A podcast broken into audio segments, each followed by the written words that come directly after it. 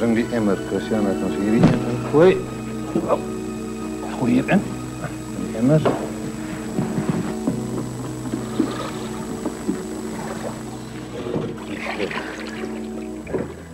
Isias Bosch, gebore 11 Julie 1923 en afgestorwe op 24 April 2010, word met reg gereken as een van die baanbrekers in die vestiging en ontwikkeling van Suid-Afrika se keramiekkuns. Ah. Nee. Wat lê die blik? Is reg?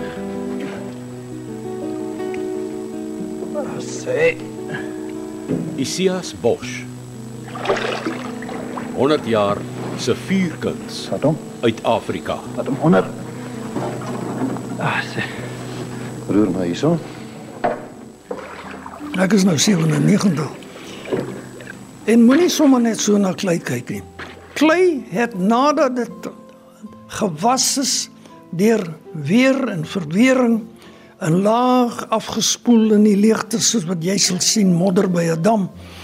En dat daardie klei het daar gelê 25 miljoen jaar voordat daai klei 'n stadium bereik het waar molekule aan molekule kleef sodra daar water bykom en klei plasties is.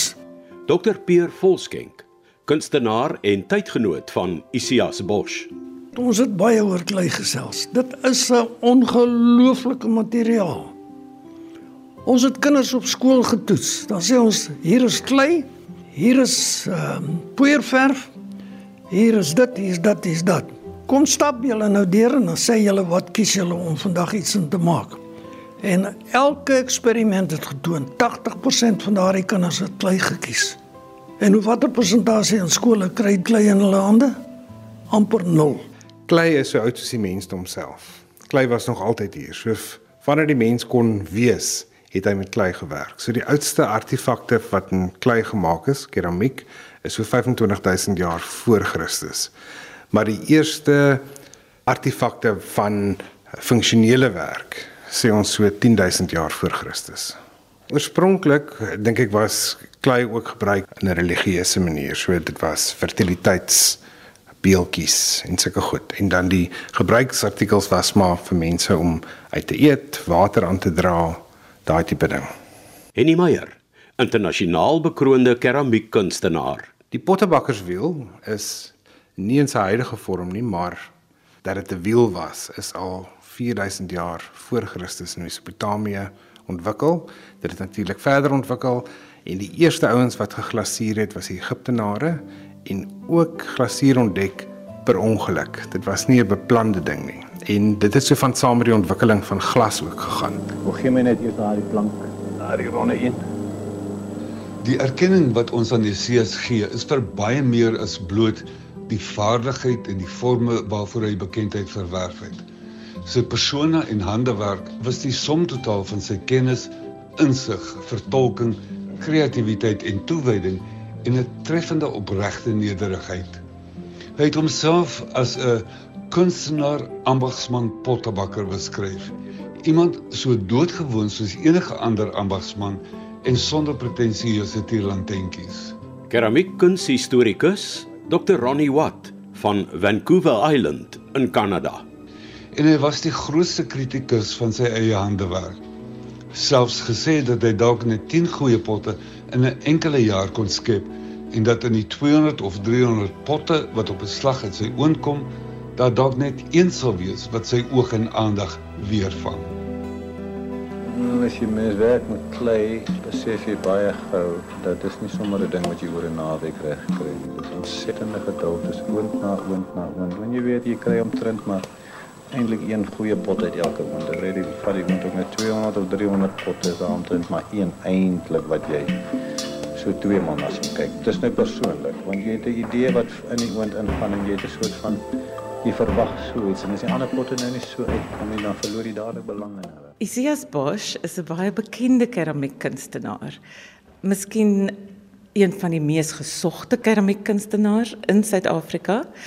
Maar ons moet onthou hy het jare gelede gewerk. In die 1950s het hy begin. Ons het baie mense gehad wat altyd keramiek gemaak het. En ons het ook baie fabrieke gehad, klein fabriekies wat um, van linware en ceramic studio, globe potteries wat keramiek gemaak het. Maar skielik begin hier 'n kunstenaar wat in 'n ateljee werk en dit is sy werk. Hy doen nie 'n ander werk nie. Hy, hy hy probeer bestaan maak as 'n enkel man met keramiek. Esther Ismail, kurator verbonde aan die Isiko Museums van Suid-Afrika. Die belangrike ding van van Isias Bosch is ook dat 'n mens kyk na hierdie potte en dan vra jy waar het sy invloed vandaan gekom? Die porselein van China wou hulle baie graag in die weste dupliseer. So dit het omtrent 500 jaar gevat voor porselein in Europa beskikbaar was nadat die Chinese dit reeds gebruik het. En dit is baie interessant vir my dat porselein was eintlik gesien as wit goud omdat dit so skaars en waardevol was.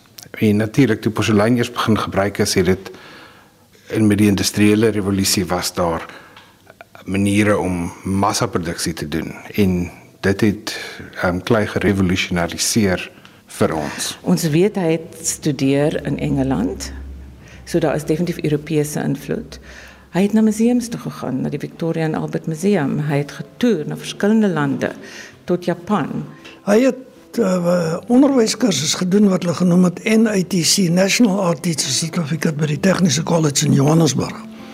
En net nadat hy sy kursus voltooi het, het ek 'n aanstelling gekry daar in die noem dit die kunsafdeling van die Tegniese College waar hulle die prakties kom doen het, die studente van Wits Universiteit. En toe het ek kennis gemaak met baie dinge van klei wat ek nooit geweet het nie. Ons het ook baie hard gewerk deur die Buro van Standaarde in Pretoria waar hulle navorsing gedoen het op die terrein van keramiek. En Sias Bosch het al hierdie punte waar hy kon inligting kry het hy onderneem uh, hy het selfs die beurs gekry ek dink die Albright beurs en hy het daarmee na Engeland toe. Ek dink wat mense nie altyd besef nie is die pottebakers by wie Bosch gaan leer het in Engeland Een van hulle was die bekende Michael Cardio. Bosch het vir Cardio gevolg na die opleidingsentrum in Abuja in Nigerië waar Cardio werksaam was as hy nie in Londen was nie. En daar het Bosch rondgetoer en hy was verskriklik beïndruk met die pottebakkerswerk van veral die Gwari mense in Nigerië. Hy het na Noord-Nigerië ook gegaan. Hy het baie gehou van die waterpotte. Hy het gehou van die bekers wat hulle gemaak het. En dan het ons hierdie een wonderlike stuk in die veerversameling wat tans op uitstalling is by die Rust en Vrede Museum in Durbanville waar jy baie duidelik kan sien die handvatsels wat op die pot is. Jy kan sien die vingerafdrukke van Bosch. Jy kan sien die insnywerk. Jy kan sien die reliefwerk, klein ehm um, voeltjies wat byvoorbeeld op die pot is. So as jy na dit alles kyk, dan sien jy die Afrika invloed. En hulle gebruik 'n baie grouwe klei met 'n vreeslike uh, grouwe inhoud van materiaal sodat die pot nie sal bars nie. Met ander woorde, jou inkrimping en jou uitsetting is nie so groot nie. En dan verder die temperatuur waarna toe hulle dit opneem is miskien 800 grade Celsius. En hulle het hierdie temperatuur bereik deur eenvoudig die potte op mekaar te pak en meesal wat hulle noem bobbejaanster te gebruik. Dis 'n materiaal wat in die veld groei wat sulke harige goed om hom het en dan pak hulle dit so tussenin en dan steek hulle die hele spul in die brand en dan dit 'n massiewe vuur en ek kan my voorstel Ja, dit moes 'n ritueel gewees het van bietjie sing daar om die vuur en dan as dit klaar is, dan word met pale word die potte weer uitgehaal. En dit is vandag nog aan die gang. Mense sal dit kan sien daar in Zanin se wêreld. Ek dink wat gebeur het na die industriële revolusie was daar die arts and crafts movement in Engeland. Bernard Leach, hy word gesien as die vader van Engelse studio ceramics en hy het eintlik geleef in die tyd wat Ishias Bosch ook in Engeland was. So Ishias het hom ontmoet. So dis eintlik maar so 100 jaar wat terug. En daai bewegings dink ek was so van 'n manier 'n uh, revolusie teen die industriële revolusie. So hierso was skielik mense wat handgemaakte keramiek gemaak het en hulle het hulle eie persoonlike styl gehad. So dit het regtig dit verander. Dis dit so van arts and crafts en ek dink wat toe gebeur het in Amerika in die 60s en um ekspresionisme en moderne kuns het keramiek as medium vandag regtig 'n plek gekry as 'n kunsformaat. Omdat hy bekend was met die kunsgeskiedenis, het Sias geweet dit sal kan werk in die materiale wat hy tot sy beskikking het.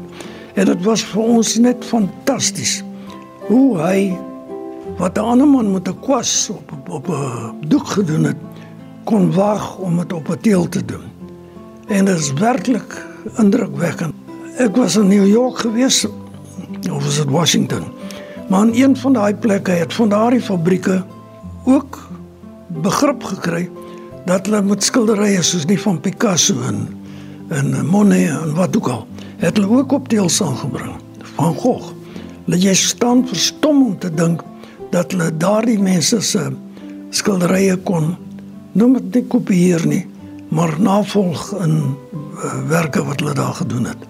Dit het 'n wêreld oopgemaak vir baie. Potterbakkery Herbert Reed, die groot Engelse kunstkritikus het gesê it's the most abstract form of art. Jy weet die beeldhouwer al werk hy abstrakt werk en op definitiewe vorm, dis of 'n figuur of 'n vorm wat hy wil weergee. Terwyl as jy op die wiel gaan sit en jy vorm 'n holte, is dit heeltemal 'n abstrakte holte.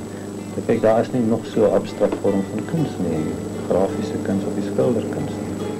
En hierdie keramiek wat jy hier sien, is baie baie tipies van die Song dinastie, die Chinese Song dinastie 960 tot 1279 waar die mense hierdie monokromatiese glasuur gebruik het. Daar's die celadon, pragtige sagte groen glasuur of kleur. Jy kry die wonderlike diep bruin potte wat ysteroksied in hulle het. Um, dan is daar weer ander wat dolomiet in hulle het. En weer eens jy moet onthou dit is steenware, dis in hout gebak en dit is in 'n verminderde ehm um, suurstof atmosfeer in Engels praat hulle van reduction fired gemaak en die oksiede wat gebruik is het dan hierdie wonderlike kleure na vore gebring. Jy weet Hamada en die groot Japaneese pottebakkers. Nie net die Japaneese nie, ek dink hy's internasionaal, hy is baie groot pottebakker, hy's 'n groot kunstenaar. En een keer in Engeland by 'n bijeenkoms internasionale bijeenkoms het iemand vir Hamada gevra hoe lank neem dit om 'n pot te kan maak. Hamada gesê dit neem 20 jaar om te besef jy kan nog nie 'n pot maak nie. En omtrent die Koreane, ek dink die wonderlikheid van die Koreaanse potte is die rede hoekom hulle sulke mooi potte gemaak het is hulle het nie geweet hulle maak. Maar wat vir my baie interessant is van Isias Bosch, hy was amper soos 'n verkleurmannetjie, jy weet. Hy het nie net dieselfde ding gemaak van die 1950s dwarsteer totdat hy in 2010 oorlede is nie. Hy het homself die heeltyd vernuwe en ek dink dit is wat hom 'n baie besondere kunstenaar maak. Hy's nie net 'n pottebakker nie, hy's regtig 'n kunstenaar. Hy het begin nadat hy sy opleiding oorsee gehad het in Engeland by baie bekende um keramiekkunstenaars. Het hy Suid-Afrika toe gekom, teruggekom hier in die laat 1952 en hy het begin met erdeware. 'n keramiekvorm wat laer gevuur word of gebak word as wanneer jy praat van porselein. So hy het vir 'n paar jaar daarin gewerk. Toe omtrent vir 15 jaar van 1961 tot 1975 werk hy in steenware. So dit is 'n ander tipe klei, dit word hoër gebak en spesifiek wou hy baie graag dit vuur in 'n oond wat met hout gestook word. So om die temperatuur te bereik en te behou met hout, dit is nie 'n maklike ding nie. En hy was een van die eerste ouens wat dan nou hierdie groot um oonde gebou het um, by sy huis in die uh, Witrifuur omgewing wat hy die Randjie genoem het. Dit bestaan nog vandag. Sy kinders Anton en Ezra is nog vandag besig om pottebakkery daar te doen. So begin hy dan nou met sy uh steenware en toe vir 'n baie kort tydjie in die laat 70s werk hy in porselein. Nadat hy um, in porselein gewerk het, begin hy werk in groot teëls wat hy verf, um vergulde teëls en daarna begin hy skilder. Hierdie trolletjie is eintlik spesiaal gebou om groot muurpanele wat 'n groot vlak dek op 'n muur te kan hanteer. Die rede is omdat jy beweeg oor hierdie nat teëls die hele tyd en dis die enigste manier om die hele area te kan beweeg en te kan bewerk op op, op 'n dag. Die tegniek het ek ontwikkel spesifiek baie groot panele die lughawe waar ons 'n paar duisend van gedek en dit is hoekom ons hierdie spesifieke tegniek gebruik het vir daai lughawe. As 'n mens verby hom beweeg, laat die die lig in die donker skare wees die hele tyd 'n beweging maak. Een van die grootste verliese in die keramiekkuns in Suid-Afrika dink ek was dat die panele wat Isha's geïnstalleer het in die aankomsaal van die Jansmats lughawe en dit was ongeveer 3000 teels wat 'n muur uitgemaak het van 56 meter by 6 meter en dit het verlore gegaan toe hulle die lughawe verander het na die nuwe internasionale ou Hartambo lughawe. En ek dink dit is verskriklik jammer dat hulle daai werk net vernietig het en nie gedink het wat dit regtig beteken nie.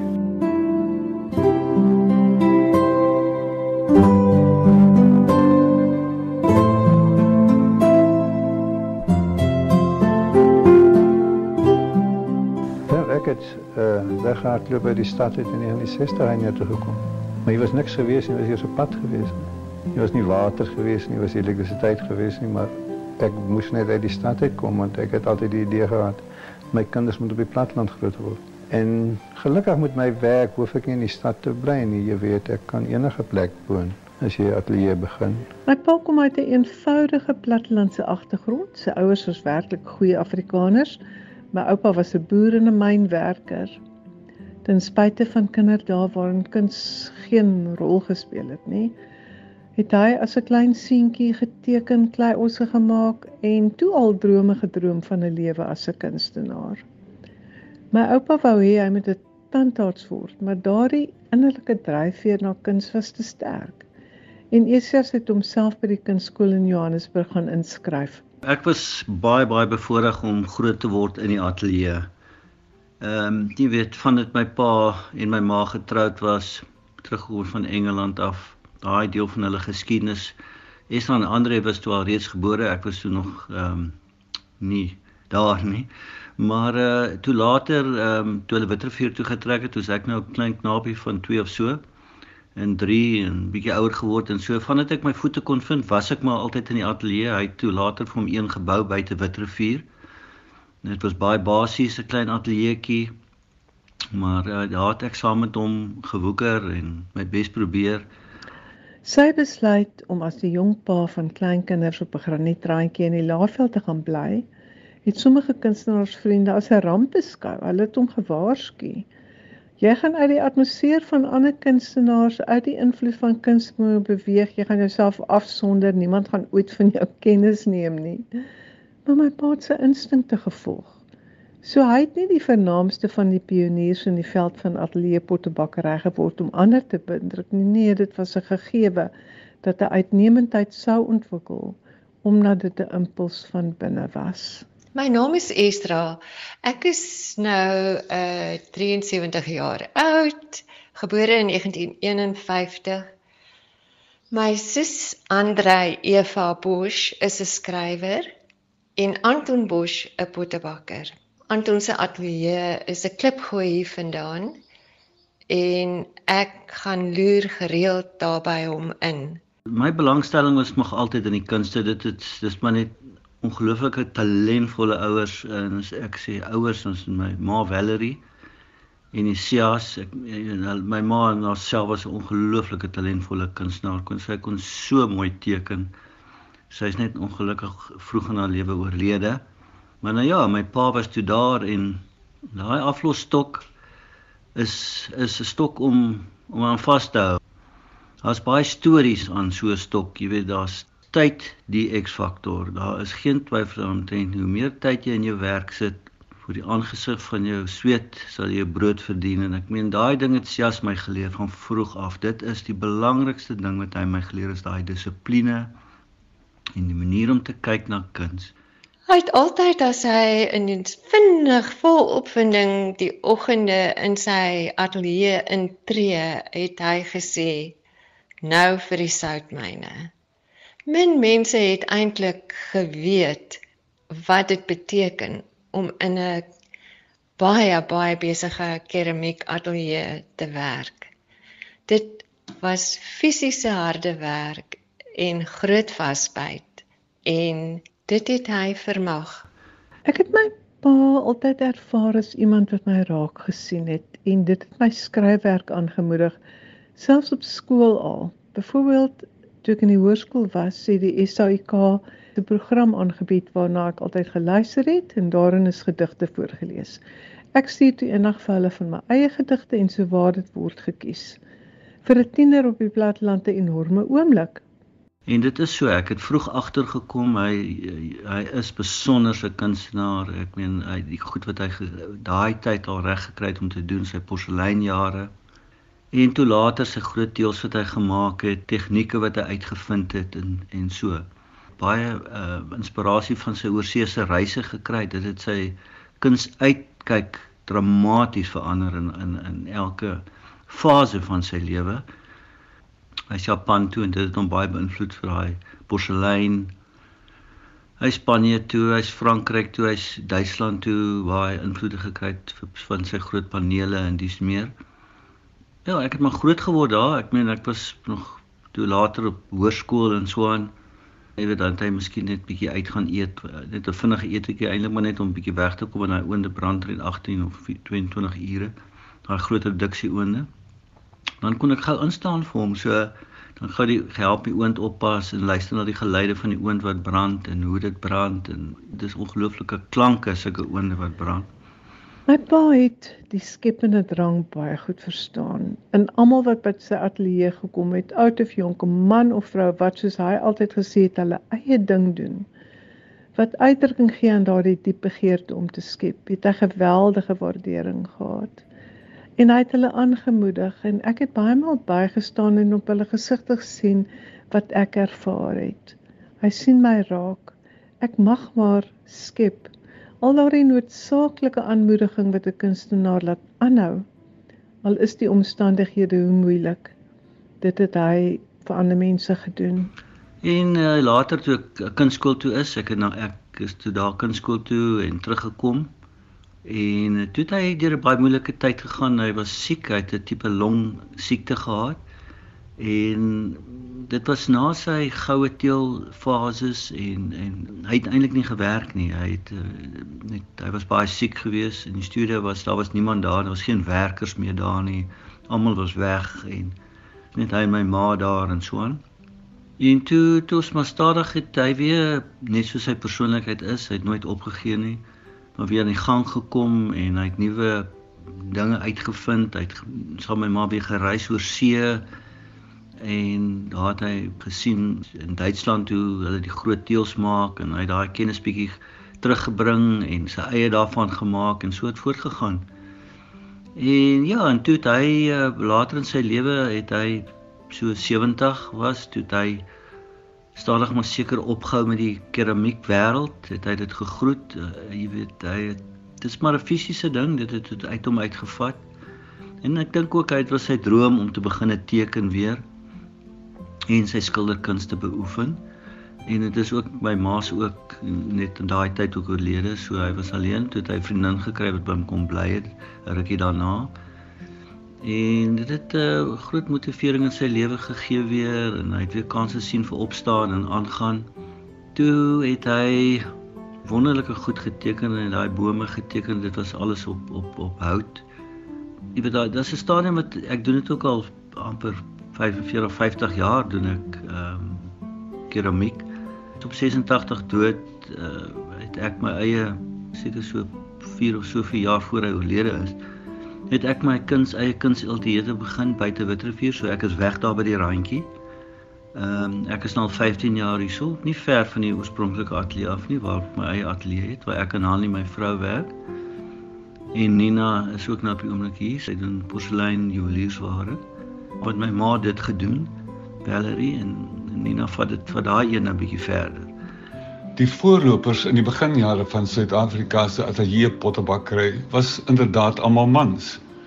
Die groep pottebakkers wat na hulle gekom het in die jare 60s van die vorige eeu was ook meestal mans. Die mans het hulle kennis vrylik gedeel, maar tog nie weggeskram van kritiek nie. In die skadu van die mans het 'n garde vroue die pottebakkerskuns bemeester en leidende rolle begin speel met hulle eie werk en die leer van die kuns aan ander. Kort voorlank was dit vroue wat die pas aangegee het en die aanvanklike broederskap moes op sy staan vir 'n susterskap. En vroue staan steeds prominent in Suid-Afrikaanse keramiekkuns. Dis Julie maand 'n dag of wat voor my pa se 100ste verjaarsdag. Ek het besluit om vanoggend in die stilte van die oggend met die voeltjies wat sing die lieflike winterslig hier buite op die plante, die alwyne en die bome wat bot. Stil stil hier in sy ateljee te kom sit. Dit is vir enige iemand net die wonderlikste wonderlikste ervaring om hier te wees. En so sê almal wat hierheen kom. Ek kyk na die pragtige groot botte wat hier staan. Ek kyk na die porseleinteels kyk na sy stoel, kyk na sy esel en na sy wasbak. En hulle is nou hier, my dogter werk hier en my seun werk hier. En die kleinkinders is hier. Dis die groot ding. Ja.